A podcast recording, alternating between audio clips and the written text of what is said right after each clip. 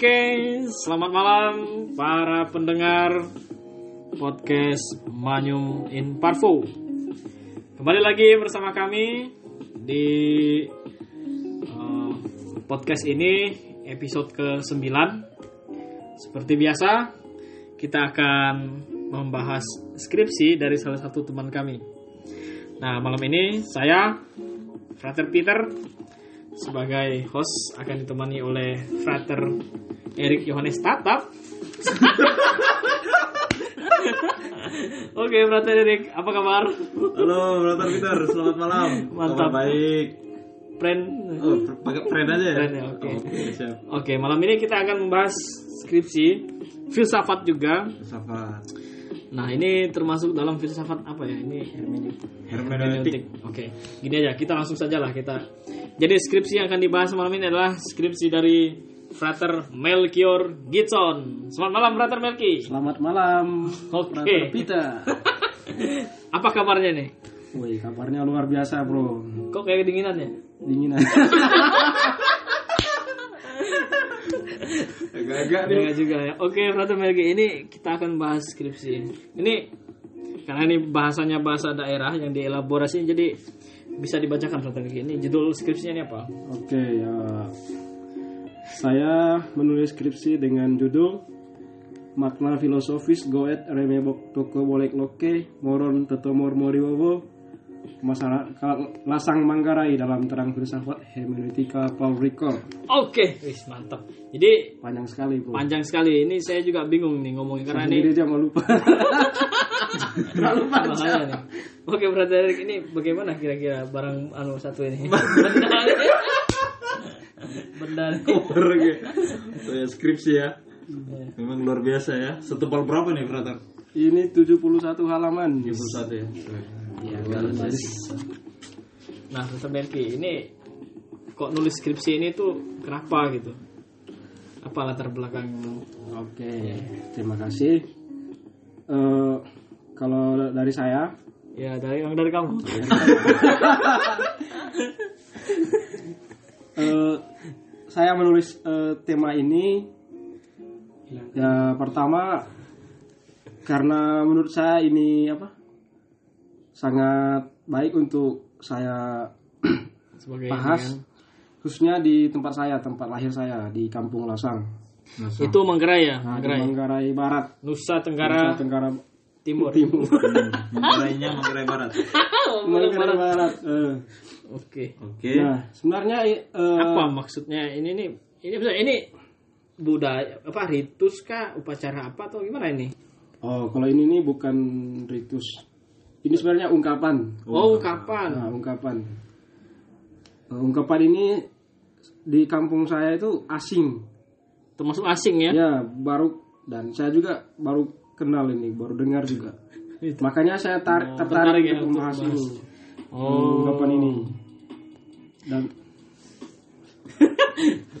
kemarin saya tanya dengan ya kepala desa di sana, mereka juga apa? Asing juga dengarnya. Tapi ada ya, tapi ada dalam budayanya ada. Ah, dalam budaya Manggarai secara umum ada, ini dari buku saya ambil. Oh. Artinya apa nih? Nah kalau ini. kalau artinya ini maksudnya apa? Eh, mengingatkan kepada orang Manggarai agar tidak tenggelam dalam harta duniawi, Oh, tidak jadi melupakan Tuhan gitu. Oh. oh jadi orientasinya itu Tuhan, Nah orientasinya yang ke Tuhan. Jadi Tuhan. Ya, supaya nggak orang yang meninggalkan Tuhan. nah, itu. Oh gitu. Dan juga untuk ini apa? Mengajak orang Manggarai untuk selalu mensyukuri rahmat Tuhan gitu dalam kehidupan mereka. Jadi Frater Belki ini orang Manggarai asli ya? Asli Manggarai. Luar biasa. Oke oke oke. Tidak ada kepalsuan.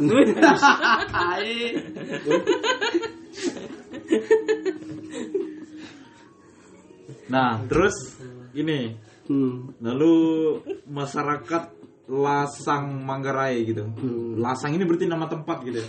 Ya tempat lahir saya. Nama tempat. Eh, lalu ya mungkin Dr. Melki bisa jelaskan eh, kehidupan atau konteks kehidupannya kehidupan lah setidaknya gitu. Maksudnya sesuai dengan tema. ke sesuai dengan tema ini maksudnya kehidupan masyarakat di apa Manggarai khususnya di tempat atau disebut lasang ini bisa dijelaskan Dr. Melki Oke, terima kasih. Eh, kehidupan kalau disesuaikan dengan tema yang saya angkat ini, nah setelah saya bertanya-tanya dengan kepala desa di sana dan mereka menjawab bahwa eh, isi dari ungkapan ini sejatinya sudah dimaknai dalam kehidupan mereka. Nah, buktinya dari cara hidup mereka seperti setiap hari minggu pergi ke gereja. ke gereja aktif dalam kehidupan menggereja. Terus nah dalam budaya Manggarai itu eh, masyarakat lasang secara khususnya itu ada namanya upacara penti. Nah eh, upacara penti itu salah satu upacara untuk mengucap syukur atas semua kekayaan dalam tanda kutip ya. Kekayaan maksudnya seperti hasil alam Oh. kesehatan gitu kan. Nah itu upacara penti itu sebagai tanda ungkapan syukur kepada Tuhan atas semua rahmat rahmat ya, yang Tuhan berikan kepada orang lasang gitu. Ah, ya itu salah satu upacara eh, dan salah satu kegiatan ini dari apa pemaknaan ungkapan Kapan?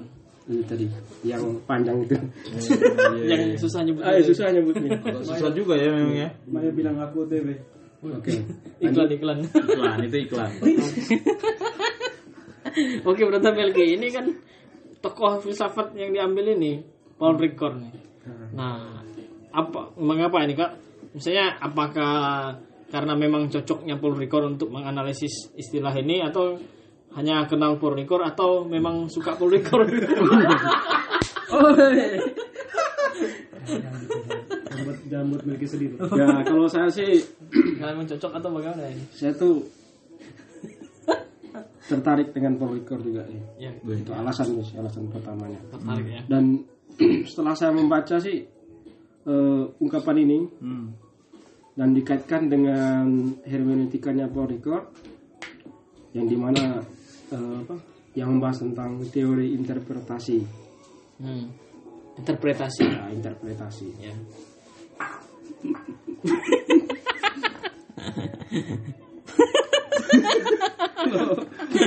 Lalu eh, bagaimana Dr. Melki? Eh, maksudnya gini, eh, tertarik dengan Poriker kira-kira sudah berapa bulan mendalami setidaknya membaca lah gitu apa teori-teorinya buku-bukunya gimana gitu.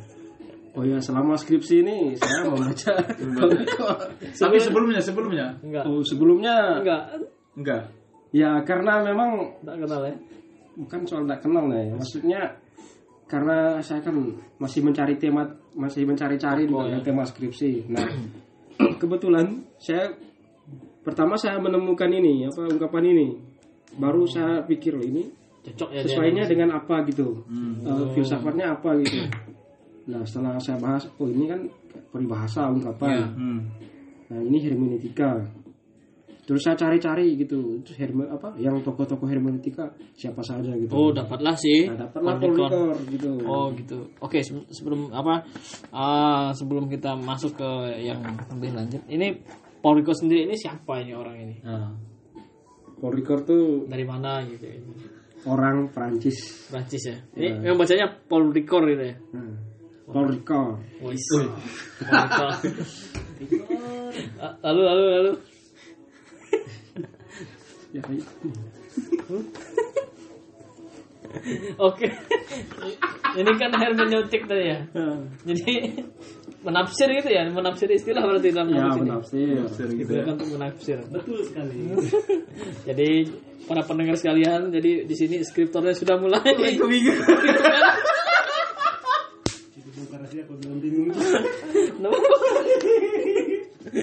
jadi Saya saya kurang mendalami riwayatnya Ricoeur nih. Saya lebih ke teorinya saja. oh gitu. Oke.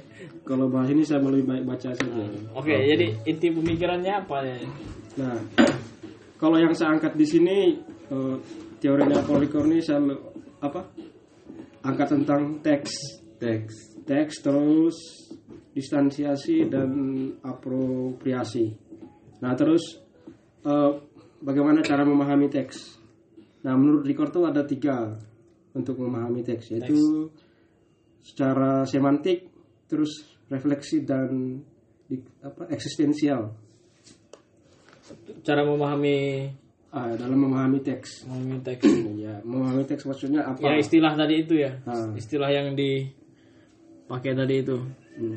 Nah ini Paul Ricoeur ini untuk menemukan konsep itu atau mau dijelaskan dulu tiga apa? Ah, biasa. Oh ya jelaskan. dulu. Ya, pertama soal teks ya. Ya teks. Nah, teks itu menurut Ricord itu apa? Kumpulan dis- diskursus. Diskursus itu eh, apa namanya? Kayak cerita-cerita gitu loh, peristiwa-peristiwa dalam masyarakat. Oh. Ya. Peristiwa-peristiwa dalam masyarakat eh, itu yang dalam bentuk lisan ya. Nah, menurut Ricord tuh ada dua diskursus dalam bentuk eh, lisan dan tulisan. Bentuk lisan itu ya seperti kita bicara ini kan diskursus. Tapi eh, peristiwa-peristiwa itu yang ya bisa dimaknai gitulah, bukan yang yang peristiwa yang apa murahan lah gitulah Wih. maksudnya kayak gitu. Murahan ada yang murahan Iya, nggak? yang maksudnya ya biar bisa dimaknai gitu loh Iya. ya dan dikaitkan dengan apa biar bisa dikaitkan dengan kehidupan kita selanjutnya gitu Iya. itu itu yang dimaksudkan dengan kursus diskursus diskursus ya. Oh gitu. nah tapi menurut Ricord tuh diskursus yang apa lebih anu itu lebih tinggi itu nilainya diskursus dalam bentuk lisan nah alasannya karena dalam bentuk eh bentuk, Bentuk lisan. bentuk tulisan Menurut dia tulisan ah, ya? menurut dia tuh yang Tulisan. ya Teks ya. Nah, alasannya karena menurut dia kalau dalam bentuk lisan itu eh, ungkapan itu hilang pas saat pembicara eh, Ya. berbicara. Jadi tidak bisa diambil lagi kan di dicari lagi gitulah kan. Iya ya. Oh, Nah, sementara dalam bentuk lisan ya bisa tulisan. eh, bentuk tulisan, sorry, dalam bentuk tulisan yang bisa diarsipkan, terus bisa di dikenang lah Ya ya. oleh orang-orang yang akan Bicarakan datang. atau Ya. yang ini kan. jadi bisa di menjadi itulah apa asik bagi bagi penerus lah gitu kan bagi siapa saja yang orang-orang yang membaca lah gitu Bisa masukin perpustakaan berarti. nah itulah kayak gitu Nah terus nah itu perbedaan antara diskursus dan teks Teks. nah kemudian diskursus yang dalam bentuk tulisan Rikor menyebutkan teks Nah, teks itu tadi saya sudah jelaskan ya. eh, kumpulan dari diskursus-diskursus yang dibakukan dalam bentuk tulisan. Eh, terus ciri-ciri teks menurut Ricor itu bersifat ini apa namanya? Bersifat Otonom, baik bersifat otonom. Maksudnya teks itu tidak terikat oleh penulis teks. Ya terpisah gitu ya. Ah, teri- tidak terikat oleh penulis teks dan konteks konteks eh, teks itu. Ya. Jadi dia itu tidak terikat oleh Itu semua. ruang dan waktu bahasanya.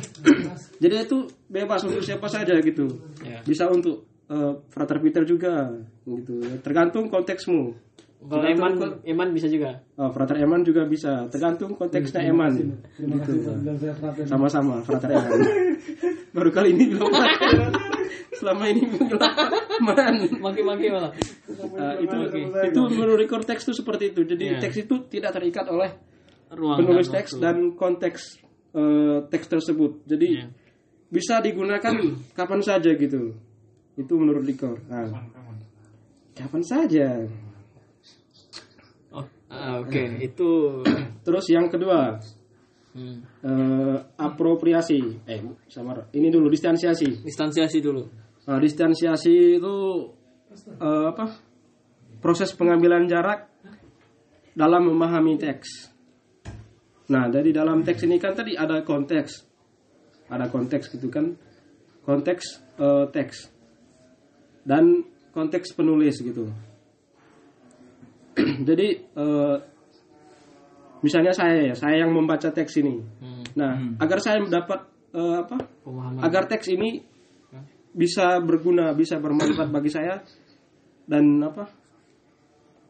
Bisa saya terapkan dalam bukan maksudnya ini ya jadi teks ada, ini ada manfaatnya gitu Ah, ada, itulah. ada manfaatnya untuk dengan membaca konteks dengan konteks saya saat Ya. ini lah gitu ya saya harus melakukan apa ya pengambilan jarak gitu. Distansiasi. Nah gitu. Agar saya tuh tidak maksudnya agar teks ini tidak tidak mati gitu loh. Ya ya dia tuh hidup dengan konteks saat ini gitu maksudnya. Itu distansiasi gitu. Pengambilan jarak antara konteks penulis dengan konteks pembaca saat ini gitu. Itu distansiasi ya? Nah, contohnya ya. Ya. Contohnya. Eh, misalkan kemarin tuh saya sudah kasih tahu ya. Apa itu? Soal kendaraan lah gitu kan. Kuda. ya. Misalkan kita lihat kendaraan ya. Itu ini konteksnya kendaraan. Nah dulu kan eh, misalnya dalam kitab suci ya kendaraan itu kuda kan unta. Itu dalam kitab suci. Kalau sekarang itu kendaraan itu di kitab suci? Ya. Ya itu dalam kitab suci. Kalau kita baca kitab suci ya. Ya. Nah, teksnya kitab suci lah gitu kan. Kita baca kitab suci. Nah, ke- kendaraannya kan berupa kuda, unta gitu kan. ya Nah, kalau saat ini kan kendaraan dunia semakin canggih gitu kan. motor Nah, mobil ya. Iya, gitu. pesawat Jadi sekarang tuh kuda tuh ya sebagai hewan kurban. itu unta Ah, unta nggak ada di sini. kuda ya Kuda aja gitu. Itu pun kuda sudah oh hilang sudah. Karena banyak yang makan kuda. jadi itu contohnya ya? Ya, jadi sekarang itu distansiasi itu. Hmm, itu distansiasi. Terus memaknai. Apropis Apropriasi itu ya, ini. apropriasi. Eh, bagaimana teks itu menjadi eh, milik pembaca? Hmm. Eh, apa? Dia jelaskan itu yang asing itu bisa menjadi milik kita lah gitu kan. Teks ini kan eh, sudah ditulis oleh penulis.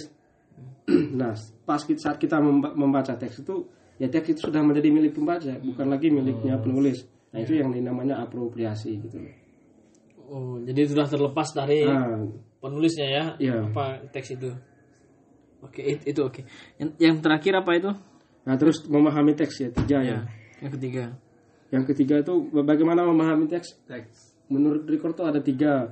Apa tuh? Secara semantik, refleksi, dan eksistensial. Semantik itu eh, ya apa adanya. ya Maksudnya belum itulah, belum dimaknai gitulah ya. Ya misalkan ya saya bilang eh, apa? Kata merah gitulah, kata merah. ya Nah merah kan warna gitu. Itu secara semantik ya. Nah terus masuk ke refleksi. Itu merah itu bisa dimaknai. Merah itu bisa berani. jago Eh, kalau dalam jago merah itu kan api gitu kan. Bang bisa. Jago. Ah, bang jago juga bisa. Ini refleksi itu refleksi Nah itu dimaksud refleksinya. Pater Melki ah, refleksi juga Hmm? setiap minggu refleksi Oh itu lain tuh. ditulis nggak refleksi Hmm. oke oke terus Terus dalam eksistensiali bagaimana apa eh, teks ini kita apa me- apa kontekskan dengan kontekstualisasi nah kan ya. gitu itu kontekstualisasi itu ini eksistensial gitu jadi ada tiga ya langkah Ada tiga, ya. Hmm. Oh, semantik lalu Refleksi. refleksi sama eksistensial Hmm. Oke, terus, nah, eh, kita kembali ke budayanya tadi ya. Budaya itu sendiri tuh kan ini kan apa istilah gitu kan. Hmm. Nah istilah ini, maksudnya kan itu kan katanya itu banyak itu. Ada sepuluh ada ya apakah itu ada makna makna tersendiri juga? Ya. Bisa dijelaskan dulu tuh. oh ya secara semantik ya Ya. makna atau arti kalau makna kan bisa banyak Kalau arti beda. Mak, arti kan perkata gitu maksudnya Oh gitu. Oke, silakan. ya. Eh, pilih yang bagus aja. kalau makna kan tadi sudah saya jelaskan Ya. kalau arti mungkin ini Oh ya ini. Nah, ini dalam ungkapan Remi ke Bolek Loke Moron Tetomor Mori Wawo ini ada 10 kata. Nah, masing-masing kata ini memiliki arti dalam bahasa Indonesia. Nah, untuk eh, kata reme artinya sementara, Hmm. masih sedang. Nah, bok ini bertumbuhnya seperti kayak rebung gitu loh. Bertumbuh tunas Oh, gitu. Tunas. Oh, Nah, maksudnya kayak bertumbuh lah gitu gitu lah, ya? subur gitu lah. Nah, toko, toko ini tulang. Tapi dalam bahasa Mangkara ini toko sebenarnya ada dua. apa? Toko bisa juga artinya tidur. Hmm. Nah, tapi dalam karena konteksnya Ini, ini, jadi istilahnya pakai tulang. tulang. Nah, gitu. Cara bedakannya itu gimana? Atau Ya, lihat tergantung konteksnya? konteksnya. Oh, itu. gitu. Oh. Jadi gitu. apa namanya? Hermeneutika. Berarti kayak- Terus apa namanya? Bolek bolek. ini berisi gemuk, Hmm. segar. Bolek. Nah, sama lah bahasa Dayak. Beda kalau balik bahasa Dayak tuh artinya ini eh aduh ini jorok nih lewat aja. Nah, iklan iklan. iklan Loke itu kulit. Kulit. Moron itu sungguh-sungguh. Eh, sungguh-sungguh tak. Nah, saya melihat ini tergantung konteksnya juga. Ini kan sungguh-sungguh, ini sungguh-sungguh tak. Nah, tergantung konteksnya. kok tak ada tak itu gimana Tidak berarti ya. Ah, tak. sungguh-sungguh tidak. tidak Berarti tidak sungguh-sungguh berarti. Ya, kayak, kayak tadi itu, ya kayak ini dalam konteksnya dulu kan, kalau konteksnya saya lihat dari ini, jadi orang Manggarai dulu tuh sering jatuh dalam itu apa namanya keterlenaan gitu loh, Iya. keterlenaan akan harta duniawi. ini orang Manggarai daerah mana ini biasanya Ya enggak, saya itu enggak, di, enggak dituliskan. Pokoknya Manggarai secara umum kayaknya. kalau Manggarai yang saya tinggalnya di bukan di wilayah Manggarai gitu termasuk nggak ya Eh, enggak tahu sih. Oh ya, ini keterlenaan dalam hal apa nih? Pater. Keterlenaan akan harta duniawi gitu. Oh, iya iya iya iya. Lanjut lanjut lanjut. keterlenaan bahasa baru ini Terus oke eh tuh ini untuk Tuh, untuk untuk Tomor ini kenal mengenal. hmm, Kalau Mori itu Tuhan. Tuhan ya. Hmm. Lalu Bobo itu melebur seperti Kak Lilin dulu. oh ya Oh. Nah, lalu kalau misalkan dari ke 10 kata nih disatukan semua, artinya apa gitu? Nah. Kalau diterjemah ah, maksudnya secara semantik Ah, dulu iya. ya. cara itunya. Secara semantik itu dulu ya sementara bertumbuhnya tulang berisi gemuk sungguh-sungguh eh, apa ya tidak mengenal Tuhan. Oh, Ya, sudah tidak mengenal Tuhan yang sudah apa sudah melimpahkan itunya berkat rahmat. gitu. Berarti sementara bertumbuhnya manusia itu sementara berkembang zaman tapi manusia itu merupakan Tuhan gitu ya. Kurang lebih gitu ya. Atau beda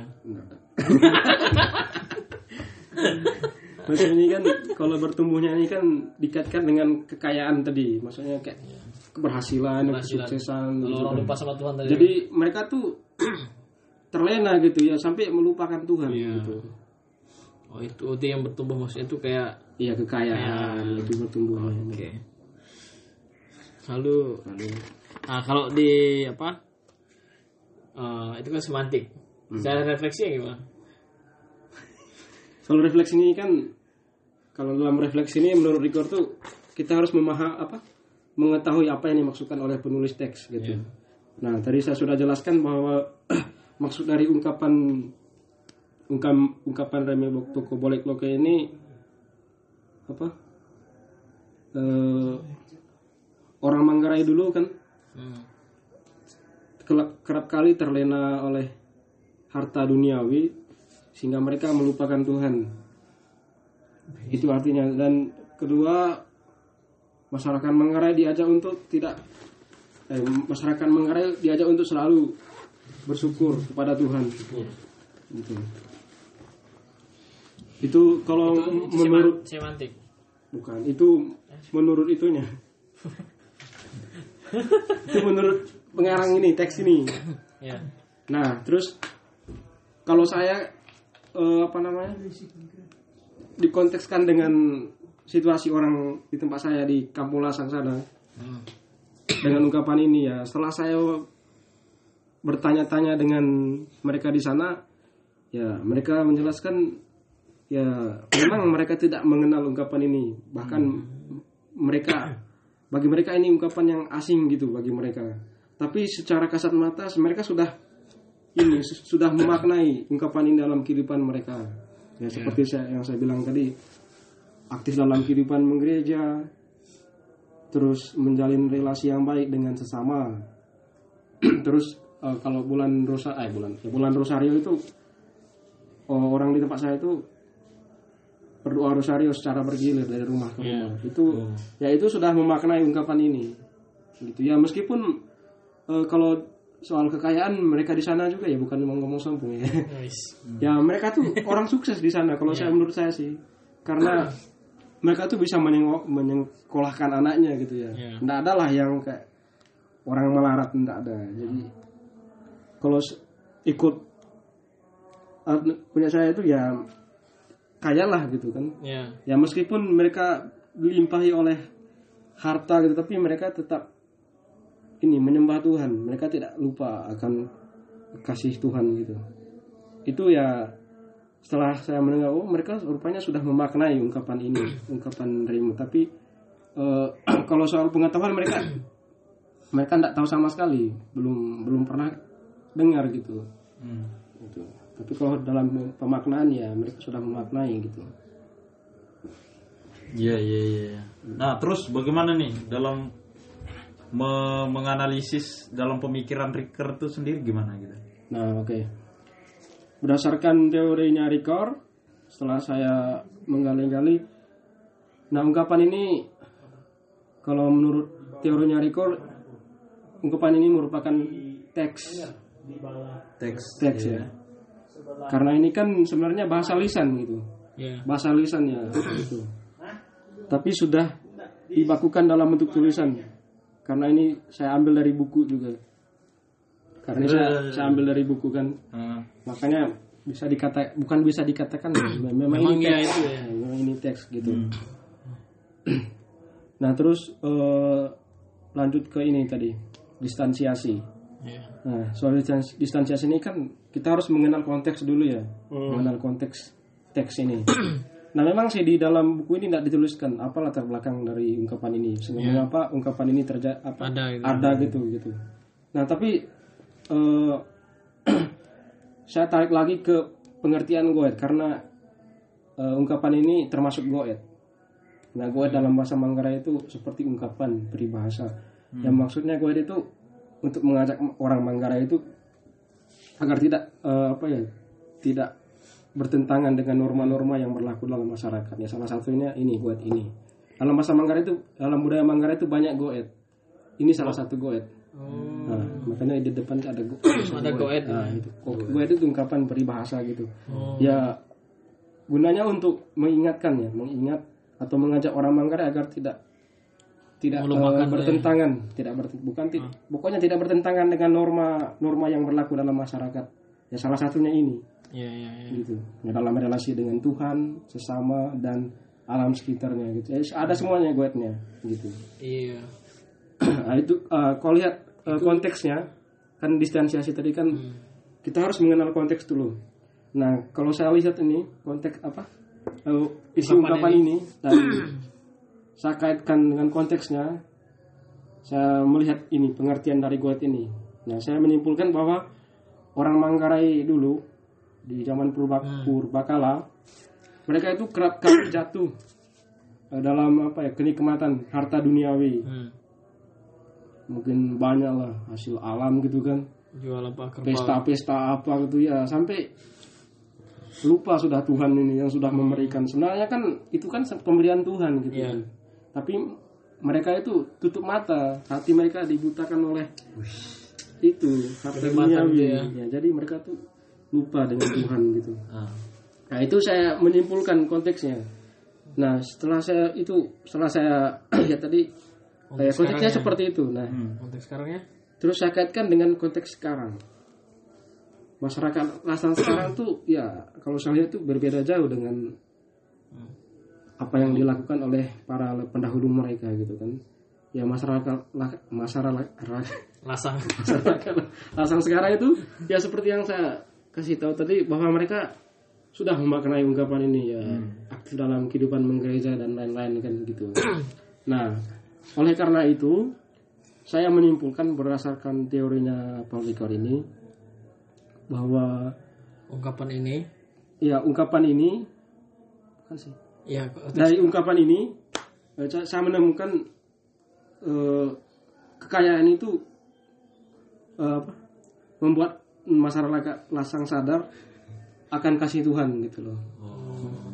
Jadi kekayaan segala harta melimpah terus kesehatan, nah itulah bagian dari ke- kekayaan dalam tanda kutip ya. Hasil alam yang melimpah gitu kan, padi banyak lah gitu kan Hmm. gitu. Itu mereka lihat itu sebagai anugerah dari Tuhan. Nah oleh karena itu mereka tidak lupa akan semua rahmat dari Tuhan ya. Mereka berterima kasih ya dalam tindakan mereka itu. Pergi ke gereja gitu. Terus Nah, lalu- menyembah Tuhan itu Lalu gini, ter, kira-kira nih tujuan dari ini ya, dari ungkapan ini eh, untuk masyarakat Manggarai itu sendiri apa gitu tuh? Yang Frater temui dalam menulis skripsi lalu dengan dari teorinya Ricker itu sendiri. ya bukan sebenarnya sih bukan tujuan sih sebenarnya maksudnya uh, apa mau apa eh, kan teorinya Ricoeur ini kan eh, bagaimana kita apa melihat apa memaknai teks sesuai dengan konteks kita Hmm. Ya. ya konteksnya orang lasang di sana kan tadi kan berbanding ber apa ya pokoknya beda jauh lah dengan konteks Zaman dulu tuh. zaman dulu gitu. Tapi sebenarnya itu juga termasuk tujuan tuh. Jadi kemudian mau melihat terlihat pemaknaan sekarang itu nah, sudah jauh sekali dengan yang dulu. dulu itu. ya, terus terus terus. Ya, jadi di maksudnya tujuan tuh tadi kan Frater itu nanya tujuan tuh Hmm. tujuan bikin ini tuh apa gitu. Nah, itu kan salah satu oh ya kalau Ini tujuan kalau tujuan saya mengangkat ini ya sebagai pengetahuan sih sebenarnya. Oh sih ya. pengetahuan baru ya karena ini kan asing di sana Iya, iya. gitu. Jadi untuk orang lasang ini pengetahuan baru. Tapi kalau misalnya masyarakat soal ini tujuan ini itu apa guide ini tapi kan sudah dikasih tahu bahwa mereka sebenarnya sudah Ya, dari dulu kan hidup. sudah sudah menghidupi ung- ungkapan ini. Cuma udah luntur sekarang ya. Ah tapi sebenarnya mereka tidak tahu. Nggak tahu. Nah sekarang ya saya harus saya mau menyadarkan mereka sih sebenarnya jadi tujuan dan saya menyadar, menyadarkan saya juga ya ya biar maksudnya untuk menggali lagi lah karena mereka harus tahu bahwa oh, mas, Manggarai lah pada umumnya ya Manggarai semua ya Iya. Ada- termasuk Manggarai yang tinggal di Ah. kota-kota juga ya Masuk Saya Mayo. Termasuk Mayo gitu ya. iya Mayo Laus. ya harus menggali lagi budaya-budaya Iya. itu budaya-budaya Manggarai ya salah ya buktinya ini mereka mungkin terpengaruh dengan arus globalisasi sampai mereka melupakan kemanggaraian itu lokal bisa gitu. hilang ya? Itulah makanya. Iya betul sekali. Nah itu it- itu yang distansiasi kan? Tadi ya kan? Hmm. nah, lalu ada yang ketiga itu apa itu namanya? Apropriasi. Ya. Ah, ya itu itu apro, ap- apropriasi itu gimana nih konteksnya ini? Menemukan apa? oh ya. Apropriasi. Sebenarnya itu kalau itu kan tadi apropriasi itu bagaimana teks ini menjadi relevan ah, relevan dengan konteks kita saat ini gitu. Maksudnya teks ini menjadi milik saya gitu loh, bukan lagi milik si penulis teks Yang ini. dulu itu. Ah, makanya itu tadi dikaitkan dengan konteks saya saat ini gitu. oke Terus masuk ke memahami ini ya langkah-langkah memahami teks itu tadi kan sudah secara semantik kan sudah tadi dijelaskan perkata per kata itu kan sudah ya maksudnya ya itu secara semantik ya. Kan? iya iya iya secara semantik kan tadi sudah. Kan semantik itu kan apa namanya arti kata lah gitu kan. Gitu ya. Ya ulang lagi lah. Ya ini ke ungkapan ini kalau kita lihat dari dari 10 kata. Nah secara semantik itu eh, kita harus jelaskan masing-masing kata ya arti kata ya. Ini lagi mulai dari kata reme reme itu sementara. Iya. Masih sedang waktu bertumbuhnya. Toko tulang. Boleh. Ah, terus walek itu berisi gemuk segar berisi. Log loke itu kulit. Loke. moron itu sungguh-sungguh. Sungguh-sungguh tak tidak maksudnya. Ya te itu untuk tomor itu kenal mengenal. Mori Tuhan. Tuhan wowo itu melebur seperti kayak apa itu ya katanya lilin tadi ya Ah, melebur gitu lah. Ah, meleleh. Sudah, Ah, pokoknya itu Ram- dia ya itulah. Seperti rahmat Tuhan yang tidak maksudnya tidak ada batas-batasnya kayak gitulah. Selalu itu, selalu hadir gitulah gitu. Itu wowo artinya. Nah, Frater Melki, jadi setelah ini itu kan ada namanya refleksi, filosofis ya, seperti judulnya sendiri kan, makna filosofis.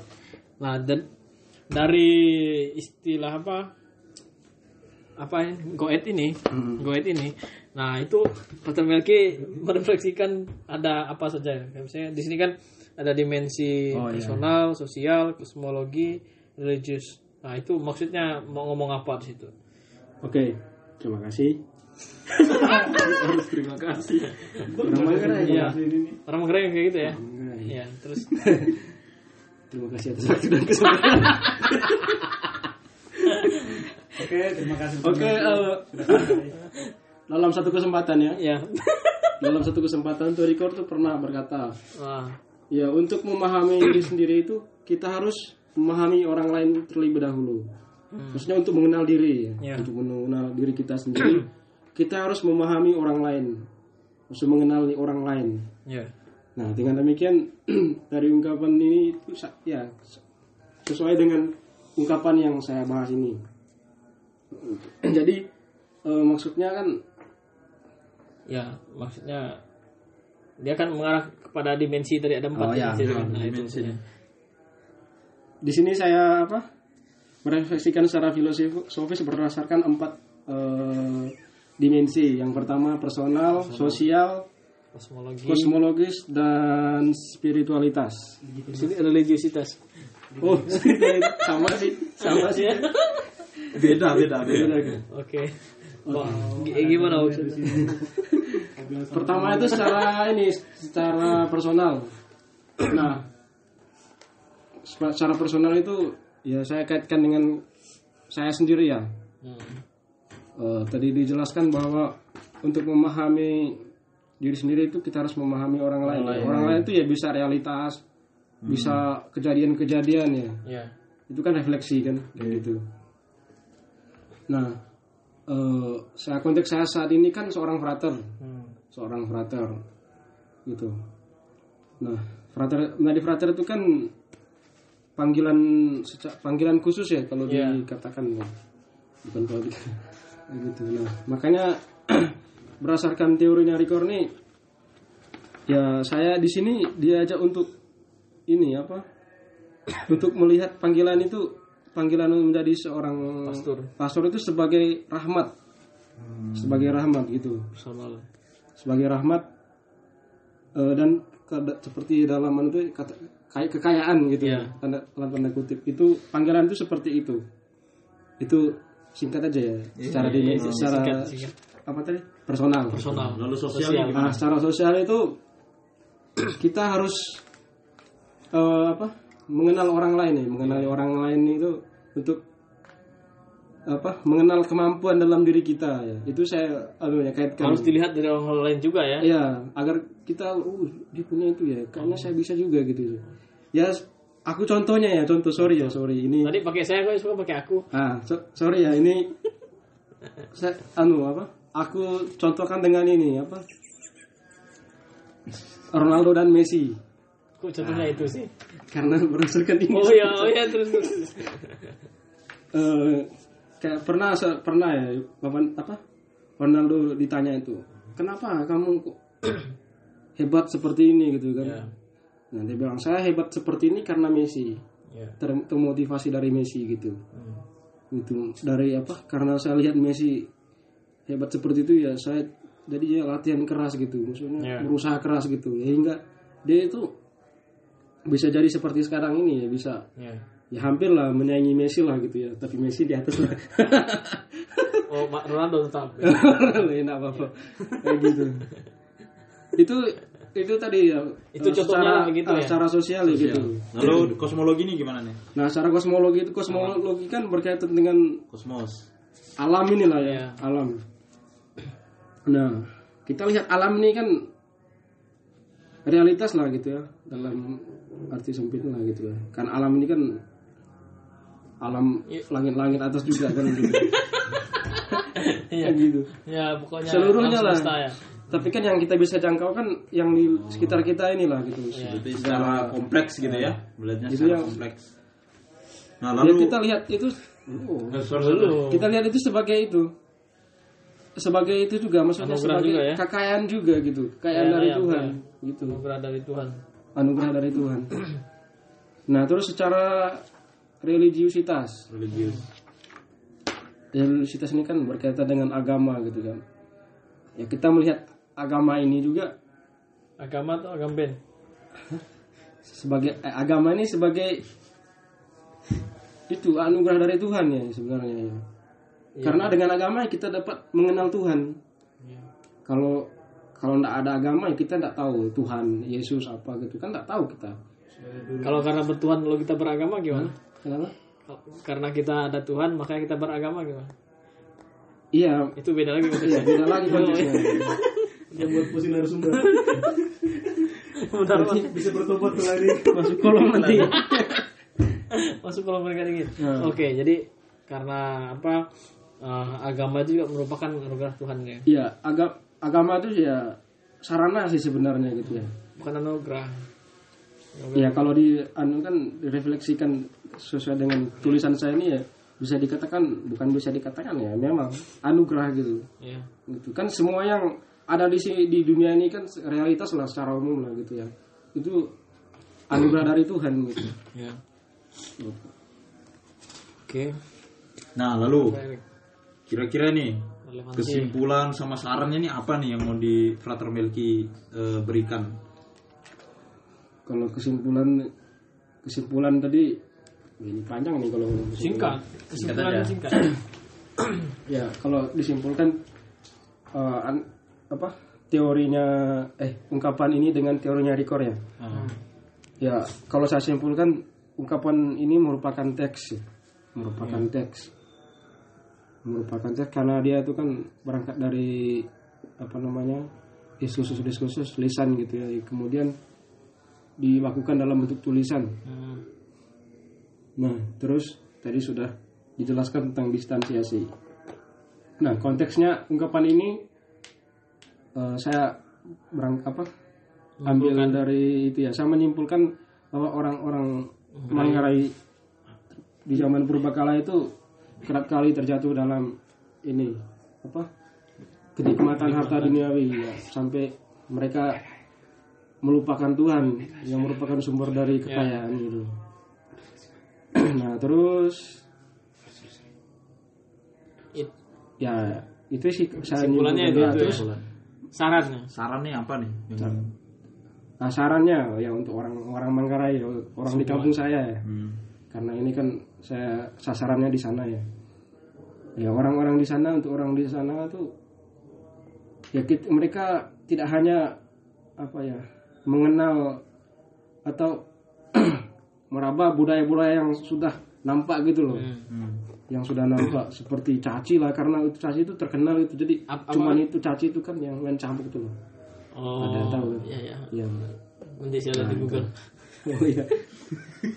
ya hanya jangan hanya itu aja karena itu kan mungkin karena terkenal ya, mungkin apa namanya lebih keren lah budaya Tapi ini apanya. juga sangat berguna sebenarnya. Bahkan ya, ini mungkin. sebenarnya berguna sekali menurut saya ini ungkapan ini karena ya memang ya mereka sudah memaknai ya tapi mereka harus tahu dasar dari tindakan mereka gitu sebenarnya kan ungkapannya apa, eh, tindakan mereka tuh ada yang itunya apa namanya Oh, nyimpang. ya gitu bukan menyimpang Oh, oh, ya apa ya? ada yang mencetuskannya gitu loh yang jadi Aduh, sorry. ya gitu Iya, iya, iya. jadi sebenarnya Sehingga- ungkapan ungkap apa pemaknaan Ya. tindakan mereka saat ini kan sudah dianu apa warisan itulah gitu kan. Mengikuti yang dari, sudah ada Ya, dari dulu gitu. kan. Dan itu harus dilestarikan. harus dilestarikan harus di digali lagi gitu loh Jadi dengan apa kontribusi tulisan skripsi Melki ini dengan harapan bahwa orang-orang Manggarai itu sadar kemudian gitu ya. ya Ya. Oke, Frater Melki. Terima kasih sangat luar biasa sekali penjelasan skripsinya. Ini memang apa ya, memang agak bisa dikatakan cukup berat kalau tidak menyimak dengan baik. Mbak Sulbung kapitalis ya? ya, itu beda lagi. Oh itu beda lagi. Oke, terima kasih Frater Melki oke dan Frater Erik. Oke, terima Ini- kasih Frater Melki untuk diskusinya yang luar biasa pada malam hari ini dan juga ditemani sama Pren Ya. Romanus Peter. Ya, eh, jadi mungkin itu saja dari kami dan terima kasih kepada Frater Melki yang sudah membagikan pembelajarannya yang luar biasa dari perspektif Riker dan juga dianalisis dalam budaya lasang Manggarai. budaya lasang tadi itu. oke dalam ungkapan itu tadi. Oke, terima kasih Frater Melki. Salam sehat bagi kita semua dan juga untuk para pendengar podcast di mana saja berada. Hmm, iya, ah, betul sekali. podcast nah, di Banyak berada. Di mana saya berada tadi? Oke.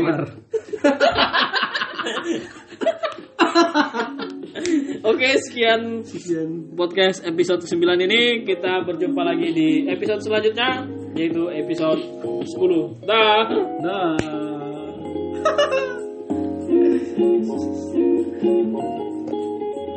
Saya kirim. thank you.